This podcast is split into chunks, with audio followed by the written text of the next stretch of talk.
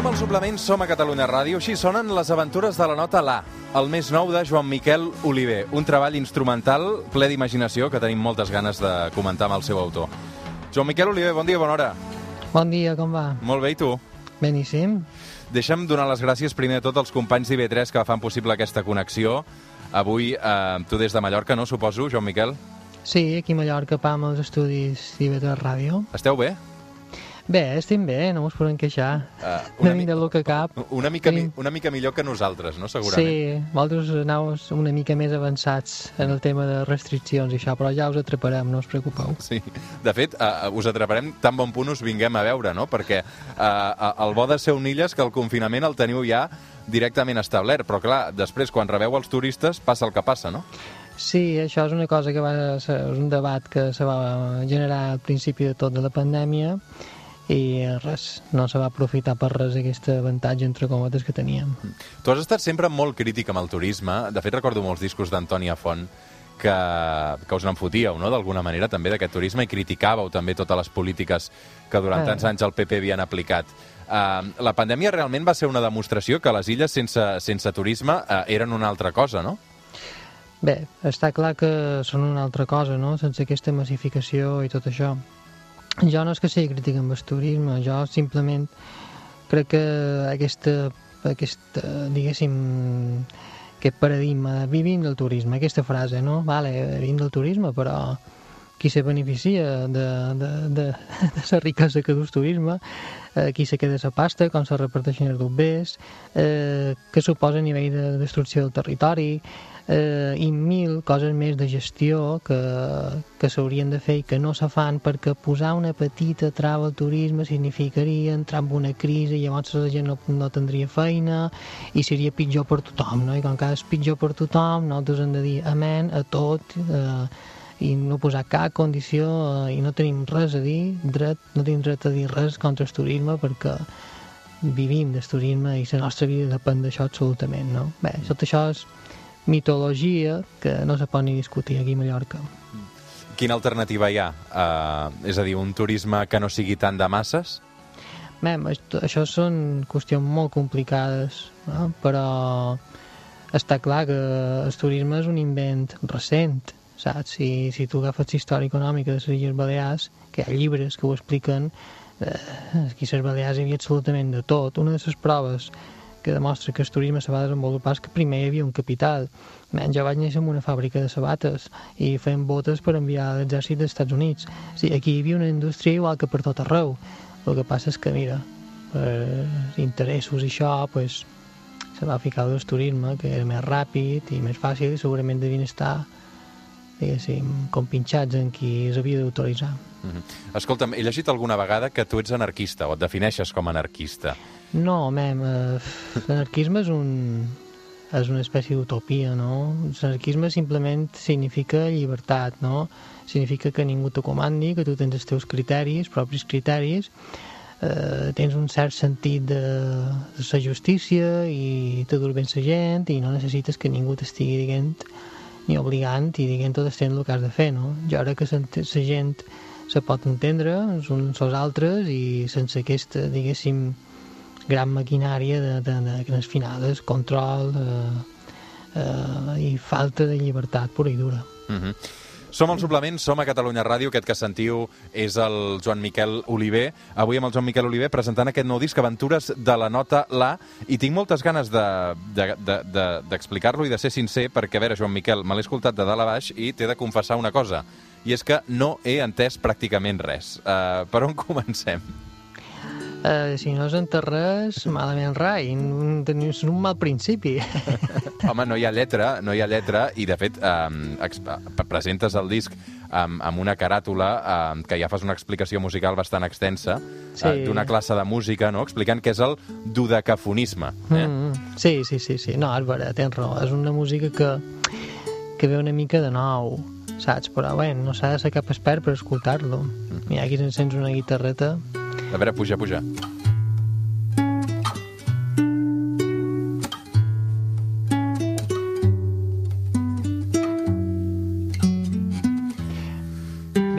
Això estic fent una mica de trampa, perquè aquest és un tema de cap al final del disc, mm -hmm. que ja hem entrat de ple dins la part tonal, dins la part convencional. Mm -hmm. el que se pot escoltar abans és una mica més, més dur. Explica'm què és això del dodecafonisme, Joan Miquel. Amem, si ho puc explicar. uh, la música, primer explicaré el que és, intentaré explicar com funciona la música convencional i és eh, que tenim ja, 12 semitons, 12 notes, d'octava a octava, però en empleam 7, o sigui, l'esquelet de la música convencional són 7 notes, se n'empleem més, però uh -huh. l'esquelet són 7. I cada una d'aquestes notes té una funció determinada, no? No valen totes igual. Eh, una és la tònica, l'altra és la dominant, i bueno, cada nota té un nom que genera un acord d'aquesta nota, i en fi, un sistema, no? El dodecafonisme diu, bé, tot això no, ho deixant de banda i agafam les 12 notes i les fem servir pues, totes, amb el mateix dret d'una a l'altra, no? I, i se crea una sèrie de 12 sons que se manté fins al final de la peça i, diguéssim, això que he estat sentint ara, sí.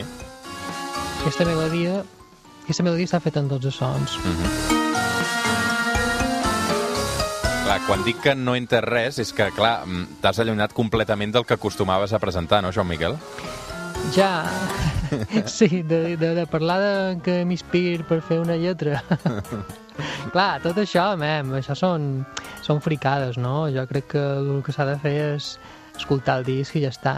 I és vera que jo he vist un poc explicant tot això perquè, clar, crida l'atenció i, i és una mica... i crec que pot ajudar a explicar-ho també, no? Mm -hmm. però al final tot es tracta d'escoltar el disc moltes vegades fins que te'l facis una mica teu i jo què sé, la música clàssica hi ha discos molt difícils, no? Mm -hmm. i la gent els escolta i no passa res. O sigui, d'alguna manera tu ja volies eh, provocar aquest tipus de, de sensació, no?, amb l'oient? No tant en l'oient com en jo mateix, no? Jo quan composava... Clar, jo quan faig cançons el que he de dir ho dic amb, amb lletra, no? I amb el playback, el que hi ha darrere del, del cantant, diguéssim, eh, no deixa de ser un poc un acompanyament tirant a senzill o molt senzill, no? Quan vaig eliminar l'element lletra, l'element can, cantant, eh, amb la seva expressivitat, aquest element més humà, diguéssim, clar, vaig veure que la música que havia de fer no podia ser com la música que acompanya la música pop, perquè les cançons pop, perquè realment mm, és un llenguatge una mica, tenies la sensació de que m'estava com repetint, no? I sempre dient el mateix. I me vaig anar complicant i complicant i complicant i al final vaig acabar amb això de decafonisme. Escolta'm, um, ha estat fàcil el confinament uh, a casa teva, també amb les criatures i tot, o no? A casa meva bé, perquè tenim la sort una casa ampla, amb un jardí i res, van penjar les hamaques i ja està, no, no he tingut sort, vull dir, jo pensava molt en la gent que viu un, un pis petit, o inclús en una habitació i coses així, ho han passat molt malament. Mm. Una gent que ho ha passat molt malament. Nosaltres, pues mira, vam tenir la sort que feia molt poc que ens havíem canviat de casa, una casa més gran, i ho han duit bastant bé, la veritat, per això. Van per músics, també? Uh, sí, el meu fill petit estudia piano i, i toca molt bé, té molt d'oïda i, jo no m'hi fico, eh? jo no li, no li he ensenyat res, mm -hmm. perquè ja té el seu professor i tot això. Mm -hmm. Però sí que és un nin que, si se vol dedicar a la música, té moltes, moltes actituds. Mm. Escolta'm, uh, i tu, la, la vessant musical, uh, d'on et veu? Dic perquè a mi, uh, l'educació mm, allò primària obligatòria, uh, em feien aprendre a tocar la cançó de l'alegria amb la flauta i, i allà vaig veure que no, que no d'allò. Tu suposo que et devia picar una mica abans, no? Sí, em va picar la música una mica abans de, de, de tocar alegria amb la flauta, sí. no, home, eh, jo sempre he tingut una relació emocional amb la música. A mi la música m'emociona, saps? És a dir, jo sent... Eh, jo què sé, sent dues notes seguides i, ostres, ja té un contingut emocional, saps? Ara mateix estic eh, parlant i la música que estic escoltant de fons, i això que l'he fet jo amb la seva memòria, sí. me molesta, perquè me crida molt l'atenció i no puc concentrar les paraules. No ho dic perquè la llevis, eh? ho dic perquè vegis un, fins a quin punt jo no puc anar pel carrer, si algú posa música m'està fent una putada, si vaig a un restaurant i hi ha música posada, no puc fer res a part d'escoltar aquella música. Perquè l'analitzes? Sí, eh, perquè me diu moltes coses i per ventura pot ser una música horrorosa que m'està molestant i no puc fer res per, per, per deixar d'escoltar, no? I en quin moment pots arribar a gaudir de la música que no és teva? És a dir, um, si sempre l'estàs analitzant, pots arribar a gaudir d'escoltar música o no? Bé, eh, no és que l'analisi, és que jo crec que sent tota una sèrie de coses que, que no sé si sent tothom, saps? No sé, no sé com explicar-te. És com... Imagina't que te posessin una pantalla de 4 metres a davant i que te començassin a passar imatges, no? La música és, no se pot tocar, són ones d'aire, t'entra per l'oïda, tu no pots tapar l'oïda com pots tancar els ulls, per exemple, no? I, és una, i, i t'entra per, per el canal auditiu, que és un canal que està connectat directament a les emocions, com... No sé, jo tinc les meves teories en tot això, perquè ho he experimentat d'aquesta manera, però... Sí, de tant en tant m'arriba qualque disc que m'agrada i l'escolt i tal, però no s'escolta i molta música tampoc. No escoltes molta música. No, més aviat no. O sigui, no com podria semblar per fet de ser músic, no? Però crec que n'escolt menys que, que, el, que el públic habitual. Què t'interessa? Quina és la música que escoltes quan et toca fer-ho? Bé, a mi tota la música me, que me digui qualque cosa ja m'agrada, no? Ara mateix vaig comprar dos discos de Schoenberg que estaven d'oferta, dos euros, i tinc dos vinils de Schoenberg i al costat tinc Papatopo, saps? I el meu escolt Schoenberg i després escolt Papatopo i m'agrada igual, no tinc cap, cap inconvenient. Ton pare tornava de sa guerra, no era un home qualsevol, no anava a bastament alerta, li deien Agamenon. Som al Suplement, som a Catalunya Ràdio, que que sentiu és el Joan Miquel Oliver. De fet, ja fa dos anys que va treure l'últim disc, Electra, és aquest que sentim. Um, tu, um, en aquest cas, això formava part d'aquesta primera trilogia que vas fer en solitari. Sí. Uh, I anaves uh, a preu fet, eh? Perquè crec que cada dos anys teníem disc de, de Joan Miquel Oliver. Vull dir que ets molt prolífic, eh? Sí, m'ha agradat això de preu fet. Sí o no? Sí, sí, sí, no, mem, jo sempre, sempre estic fent feina, no? I quan tinc una cosa que crec que val la pena o penso que a qualcú li pot interessar, pues jo som més partidari de publicar-la i, i, i ja està, no? És una cosa treta, t'oblides d'ella i, i llavors segueixes fent feina amb, la, amb el següent projecte, no? Jo vaig un poc així, i aquests tres discos, en Albert Pinya, ara que els hem acabat, pues, els veig com un sol disc, no? És com una trilogia, efectivament, i sí, jo veig com no sé distingir si aquesta cançó va en un disc com un altre, no? Són tres discos fets molt seguits, quasi, quasi, com un sol disc llarg. Durant el confinament, eh, i ara també que estem en aquest context i amb les èpoques que ens han tocat viure, he pensat molt en aquesta cançó. Espai obert,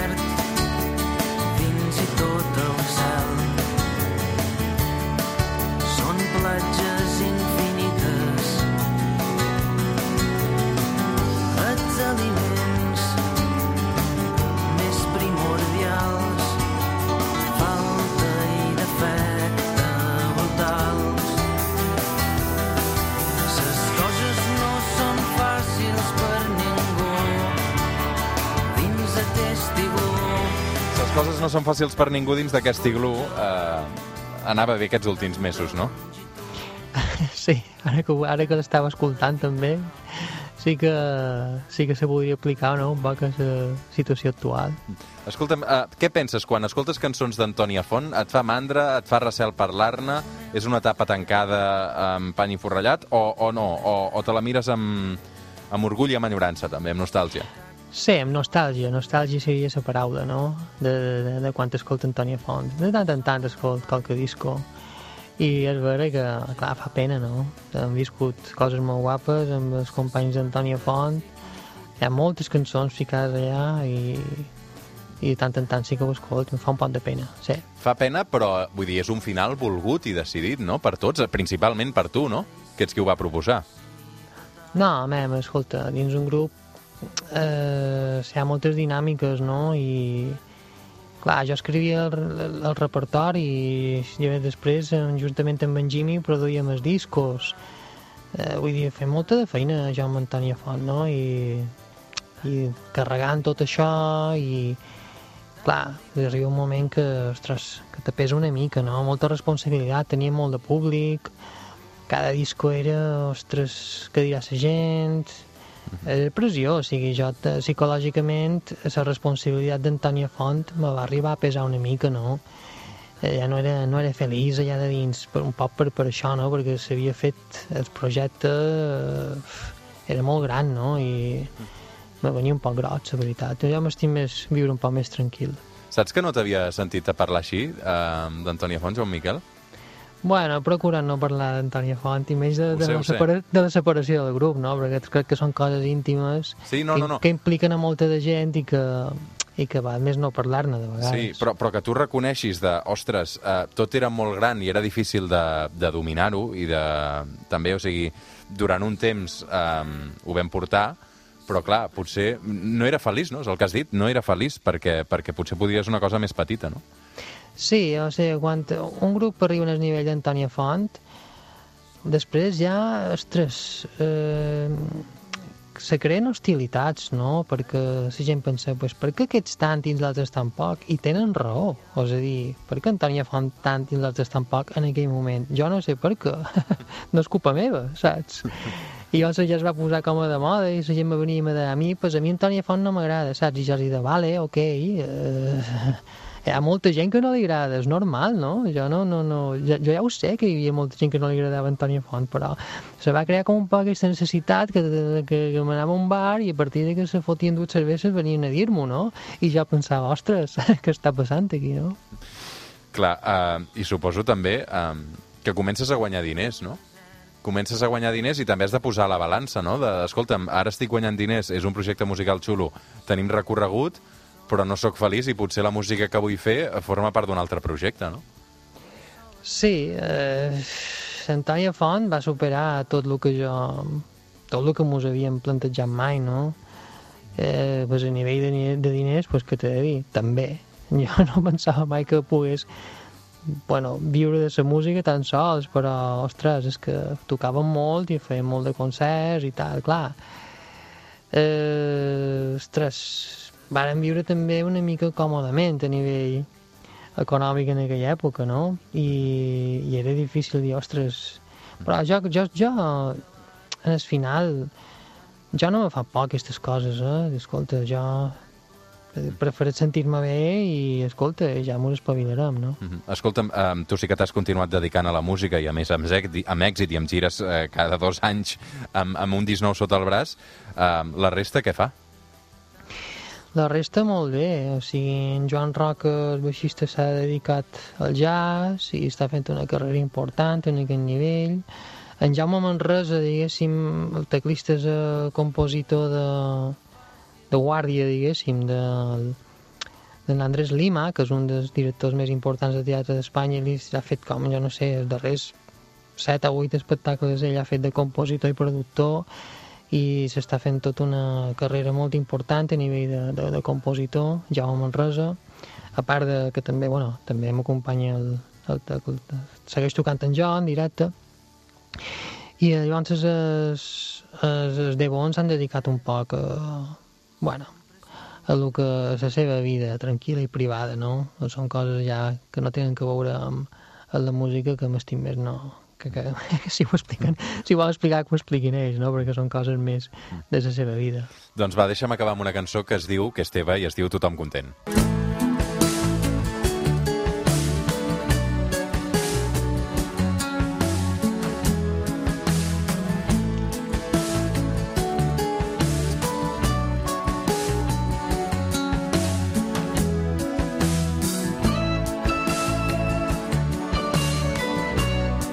Clar, aquí, Joan Miquel, eh, m'hi falta la teva veu, no, potser? En aquesta peça, en d'altres del disc no, eh? Però aquí potser sí, no? Sí, aquí, aquí me podria posar a cantar. Què hi posaríem? Què hi posaríem aquí de lletra? No sé, tothom content, no? Cercaríem imatges de felicitat o una cosa així. Joan Miquel Oliver, eh, m'agrada molt poder xerrar una estona amb tu, eh, aquesta vegada amb aquest disc eh, diferent, que de moment no traurà a passejar, però que tenim ganes també de tornar a veure el Joan Miquel Oliver als escenaris. Aventures de la nota La és el més nou, un disc que ja trobeu a la venda amb el Joan Miquel. Una abraçada ben forta un, cap, una abraçada. A, cap a les illes, també especial uh, una abraçada forta cap a IB3 que ha fet possible aquesta connexió. Gràcies, Joan Miquel. Gràcies, bon dia a tots.